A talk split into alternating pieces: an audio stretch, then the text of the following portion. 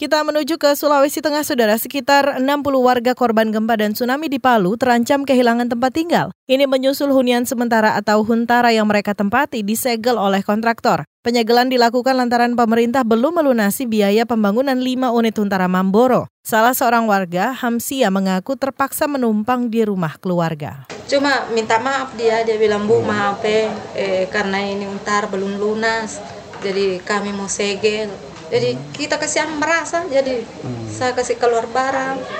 Saudara berdasarkan pengakuan warga, hingga saat ini baru satu unit Huntara Mamboro yang disegel. Kontraktor bisa saja menyegel empat unit lain jika pemerintah tidak segera melunasi pembayaran. Sejauh ini pemerintah dan kontraktor disebut masih bernegosiasi.